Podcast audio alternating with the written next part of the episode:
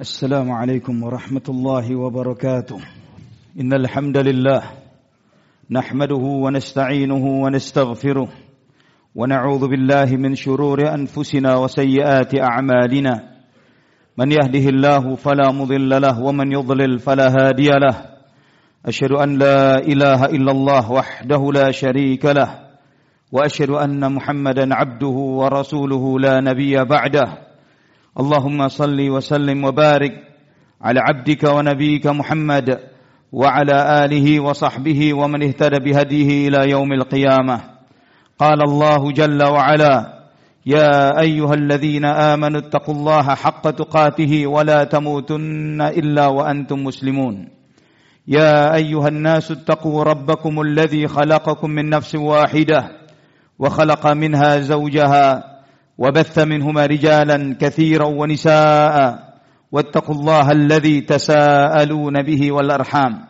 إن الله كان عليكم رقيبا. يا أيها الذين آمنوا اتقوا الله وقولوا قولا سديدا. يصلح لكم أعمالكم ويغفر لكم ذنوبكم. ومن يطع الله ورسوله فقد فاز فوزا عظيما. أما بعد فإن أصدق الحديث كتاب الله. وخير الهدى هدى النبي صلى الله عليه وعلى اله وصحبه وسلم وشر الامور محدثاتها وكل محدثه بدعه وكل بدعه ضلاله وكل ضلاله في النار معاشر المسلمين رحمني ورحمكم الله الحمد لله segala puja dan puji hanya untuk Allah Subhanahu wa taala Ar-Rahmanur Rahim atas segala limpahan nikmat yang Allah Subhanahu wa taala muliakan kita dengannya Alhamdulillah Allah Subhanahu wa taala memuliakan kita dengan dinul Islam, dinut tauhid, din as-sunnah wal ittiba' yang dengannya kita dimuliakan oleh Allah Subhanahu wa taala dari banyak umat manusia. Walillahil hamd. Segala puji bagi Allah Subhanahu wa taala yang telah menjadikan kita di antara umat Muhammad bin Abdullah sallallahu alaihi wasallam. Ikhwatal iman rahimani wa rahimakumullah. Allah Subhanahu wa taala memuliakan agama ini dari banyak agama yang lainnya. Di antaranya adalah menjadikan agama ini sebagai agama pertengahan, agama yang terbaik, agama yang Allah telah tegaskan kuntum khaira ummatin ukhrijat linnas. Kalian adalah umat yang terbaik yang dimunculkan untuk seluruh umat manusia. Allah jadikan kita sebagai umat pertengahan sebagaimana firman-Nya wa kadzalika ja'alnakum ummatan wasatan litakunu syuhada'a 'alan nas wa yakuna rasula alaikum syahida dan kami jadikan kalian sebagai ummatan wasata umat pertengahan umat yang tidak berada di sisi kiri ekstrem kiri atau ekstrem kanan yang tidak bersifat mengurang-urangi atau berlebih-lebihan agar kalian menjadi saksi bagi seluruh umat manusia yang lainnya. Dan Rasul Muhammad sallallahu alaihi wasallam nanti akan menjadi saksi kita semuanya nanti di hadapan Allah Subhanahu wa taala. Ikhwatal iman, Nabi kita Muhammad bin Abdullah sallallahu alaihi wasallam dalam Sahih Bukhari beliau menafsirkan ummatan wasata, beliau mengatakan al-wasatu al-adl. Pertengahan itu adalah sifat yang adil dan sebaik-baik yang paling dipuji oleh Allah adalah yang adil, yang pertama yang pertengahan, yang tidak berlebihan dan tidak mengurang-urangi. Allah Subhanahu wa taala memuji umat ini karena berada di pertengahan. Di dalam surat Al-Fatihah, Allah Subhanahu wa taala menunjukkan tiga golongan umat manusia. Umat manusia yang pertama yang Allah beri nikmat, yaitulah Nabi Muhammad sallallahu alaihi wasallam dan para pengikut beliau yang benar yang setia di atas manhaj beliau sallallahu alaihi wasallam. Kemudian golongan yang kedua al-maghdubu alaihim yang dimurkai atas mereka dan mereka adalah Yahudi dan yang semisal dengan Yahudi yaitu mereka yang mengurang-urangi syariat, mengurang-urangi agama. Mereka mempelajari ilmu, tahu paham akan ilmu, namun tidak mengamalkannya. Atau dan kemudian yang ketiga adzalin. Orang-orang yang tersesat, yang mereka ini beramal, beramal, beramal namun tanpa ilmu dan mereka adalah satu ekstrim kiri, satu ekstrim kanan dan umat Muhammad adalah yang ada di pertengahan. Rasulullah SAW dan yang mengikuti mereka. Ali bin Abu Talib radhiyallahu an beliau berpesan, "Alaikum bin namatil awsat fa ilaihi yanzilul ali wa ilaihi yartafi'un nazil." Beliau mengatakan, "Hendaklah kalian berada di step yang paling pertengahan. Karena di pertengahan inilah orang yang mengurang-urangi dia naik ke atas itu. Dan orang-orang yang berlebih-lebihan dia turun di pertengahan ini. Maka ahlul wasat, ahlus sunnati wal jamaah mereka berada di pertengahan. Mereka tidak bersama orang-orang yang mengurang-urangi agama ini atau bersama mereka-mereka yang berlebih-lebihan di dalam bersikap beragama. Allah Subhanahu wa taala dalam banyak ayat Al-Qur'an melarang kita untuk bersikap mengurang-urangi atau bahkan berlebih-lebihan dalam segala sesuatunya. Di antara firman Allah di dalam surat Al-Isra ayat 29 Allah berfirman, "Wala taj'al yadaka maghlulatan ila 'unukika wa la tabsutha kullal bast." Janganlah engkau jadikan tanganmu terbelenggu di belakang lehermu bakhil, kikir, tidak mau membelanjakan apa pun dan janganlah kamu membentangkannya dengan semudah-mudahnya. Juga Allah berfirman dalam surat Al-Isra ayat 26, "Wa ati dzal qurba haqqahu wal miskin wa ibnas sabil wa la tubadzir tabdzira." Dan berikanlah kepada kaum kerabat hak-hak mereka. Demikian pula fakir miskin dan para musafir. Namun ketika memberikan hak ini, wala tubadzir tabdzira. Jangan sampai kalian melampaui batas.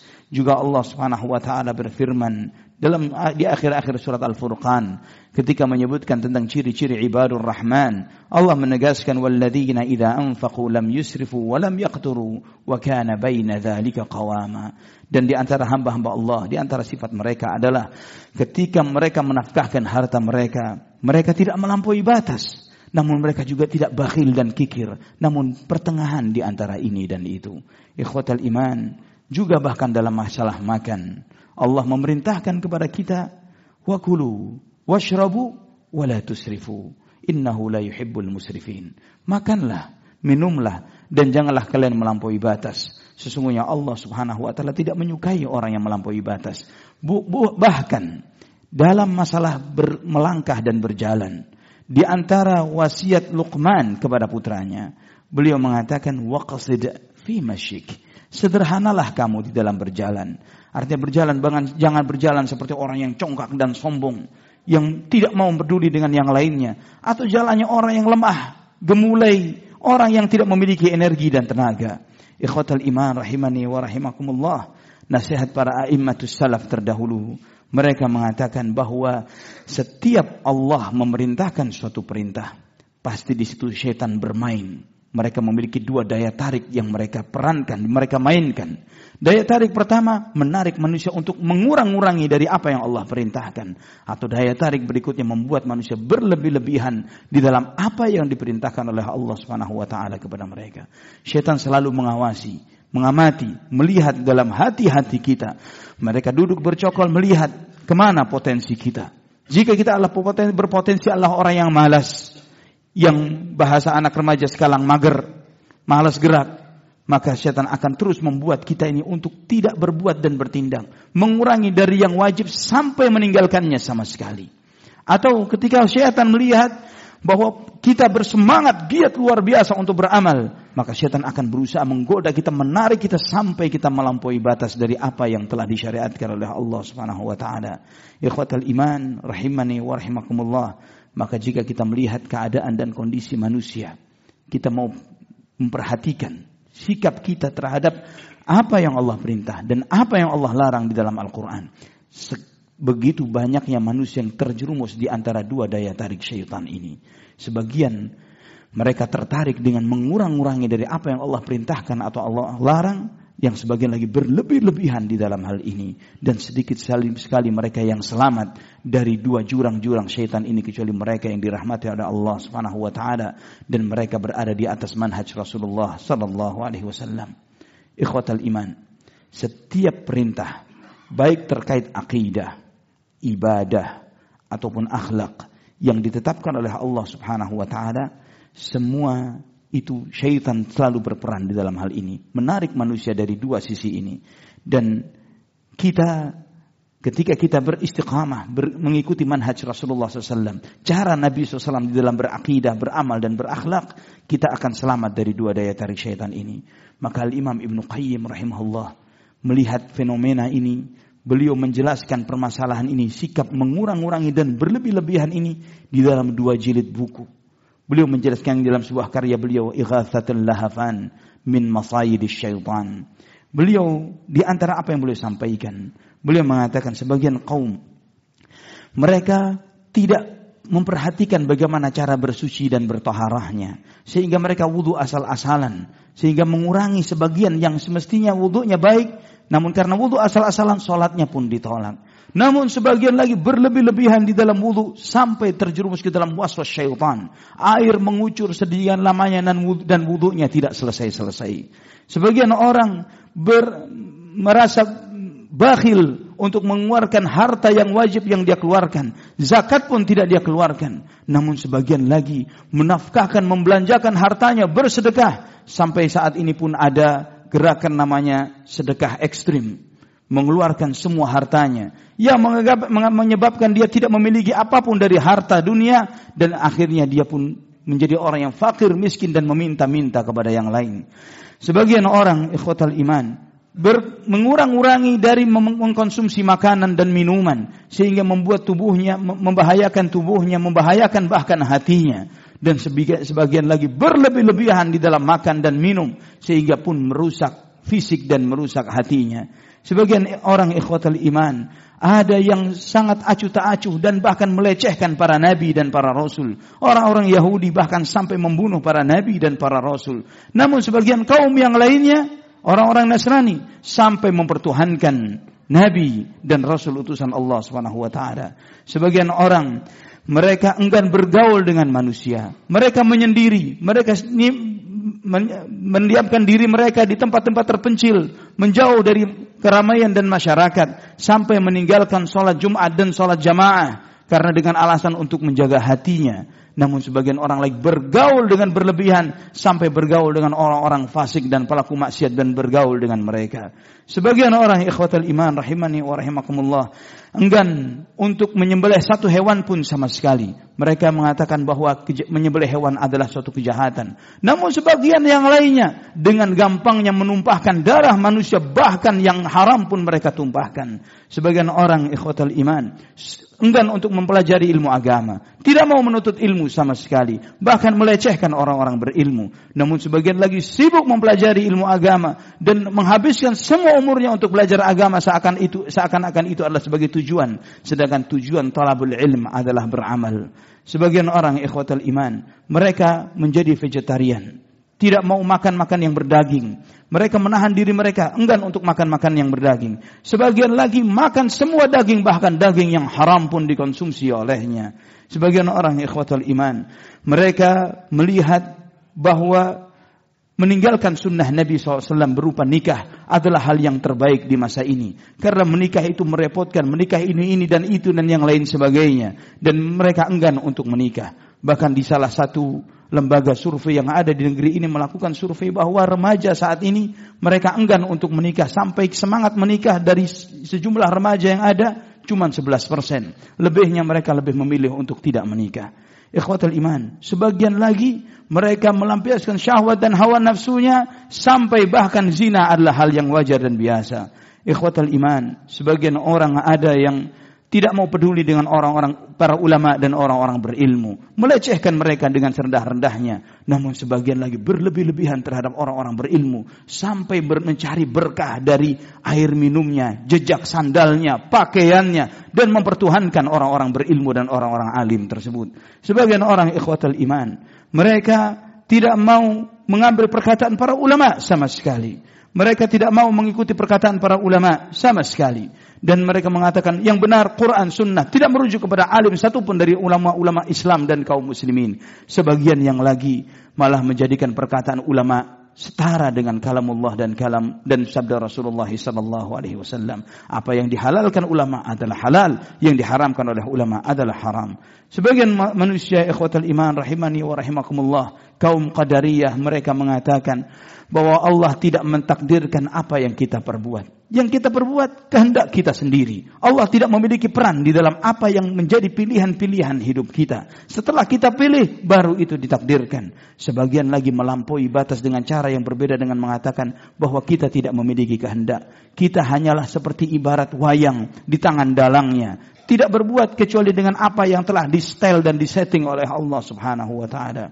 Sebagian orang mereka meyakini bahwa Allah Subhanahu wa taala tidak di atas alam semesta, tidak di bawah alam semesta, tidak di kanan alam semesta, tidak di kiri alam semesta, tidak dipanggil dari zat yang maha tinggi. Namun sebagian lagi mengatakan bahwa Allah Subhanahu wa taala seperti udara yang menyatu dengan kita semuanya. Kita menghirup nafas. Allah berada di mana-mana, di dalam relung hati kita, di dalam perut kita, di dalam seluruh tubuh manusia ini. Kita lihat ikhwatal iman. Bagaimana ekstrim kiri dan ekstrim kanan dari beragam jenis manusia. Ikhwatal iman rahimani wa rahimakumullah. Banyak lagi contoh yang disebutkan oleh Al Imam Ibnu Qayyim rahimahullahu rahmatan wasi'ah. Di antaranya beliau menyampaikan sebagian orang menolak adanya syafaat baik syafaat Nabi maupun syafaat yang lainnya. Tidak ada syafaat sama sekali. Seperti keyakinan kaum Mu'tazilah dan Khawarij. Sebagian lagi berlebihan sampai meminta-minta syafaat kepada selain Allah subhanahu wa ta'ala. Meminta syafaat kepada Rasulullah SAW. Sedangkan syafaat itu diminta dari Allah Subhanahu wa taala dan mustahil siapa pun di alam semesta ini termasuk Rasulullah sallallahu alaihi wasallam bisa memberikan syafaat tanpa izin Allah Subhanahu wa taala. Sebagian orang mengakini tentang keimanan mereka bahwa selama Anda muslim, syahadat, apa pun maksiat yang Anda lakukan, nanti kalau mati walaupun masih harus dibakar satu dua hari di neraka, pasti masuk surga. Keyakinan kaum murjiah. Mereka sampai meyakini bahwa iman ini tidak bertambah dan tidak berkurang. Iman kita sama seperti imannya Jibril, Mikail, apalagi imannya Abu Bakar dan Umar. Namun sebagian lagi ekstrim yang berikutnya yang mengatakan bahwa iman tidak bertambah dan berkurang dan itu akan sangat terpengaruh karena maksiat yang dilakukannya. Jika sekali dia berbuat dosa besar, maka dia murtad, kafir dan kekal di api neraka seperti keyakinannya kaum Khawarij. Ikhwatul iman rahimani wa rahimakumullah. Sebagian orang terkait tentang ahlul bait Rasulullah SAW. Ada yang melecehkan, meremehkan, menghinakan dan tidak peduli bahkan membunuhi ahlul bait Nabi Sallallahu Alaihi Wasallam. Namun sebagian lagi berlebih-lebihan terhadap ahlul bait Rasulullah Sallallahu Alaihi Wasallam sampai memberikan sifat-sifat yang merupakan sifat kenabian bahkan sifat ketuhanan kepada sebagian dari ahlul bait.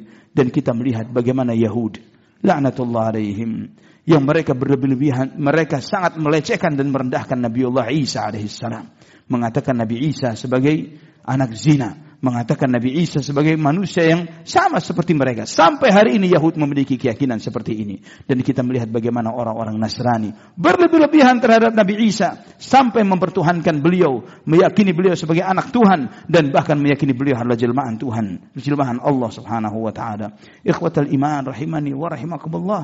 Di antara manusia ada yang berlebih-lebihan dalam enggan melakukan ikhtiar mereka mengatakan bahwa jika Allah mentakdirkan, pasti kita dapatkan. Nggak perlu berikhtiar, nggak perlu beramal dan berbuat. Sebagian lagi mengatakan bahwa amal usaha kita lah yang menentukan keberhasilan si kita. Bukan takdirnya Allah. Tidak perlu tawakal. Selama ikhtiarnya benar, tanpa tawakal pasti berhasil. Dan semuanya adalah berada di dua, satu ekstrim kiri dan satu ekstrim kanan. Ikhwatal iman rahimani wa rahimakumullah. Sebagian manusia menunjukkan kesolehan-kesolehan mereka dan seakan-akan mereka lah orang-orang aulia memamerkan amal ibadah mereka secara berlebihan sampai ibadahnya disuting, direkam, berdoa di, di, dipasang di tengah-tengah jalan dan yang semisalnya menunjukkan peran mereka sebagai orang soleh. Sebagian lagi ekstrem kirinya bahkan doyan dan suka memamerkan dosa, aib dan maksiatnya di depan manusia.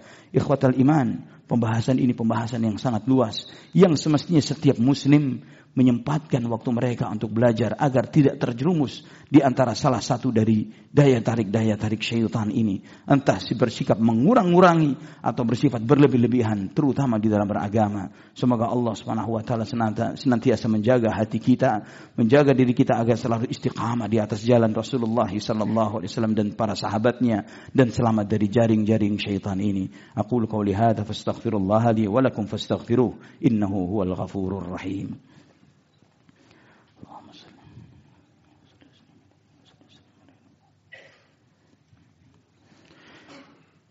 الحمد لله رب العالمين والصلاة والسلام على على أنبياء المرسلين نبينا محمد وعلى آله وصحبه والتابعين ومن تبعهم بإحسان إلى يوم الدين أما بعد إخوة الإيمان رحمني ورحمكم الله seorang hamba yang bijak ketika Nabi Shallallahu Alaihi Wasallam ditanya siapakah hamba yang al-kayyis, yang bijak, yang dewasa, hamba yang cerdas, yang memiliki wawasan yang luas.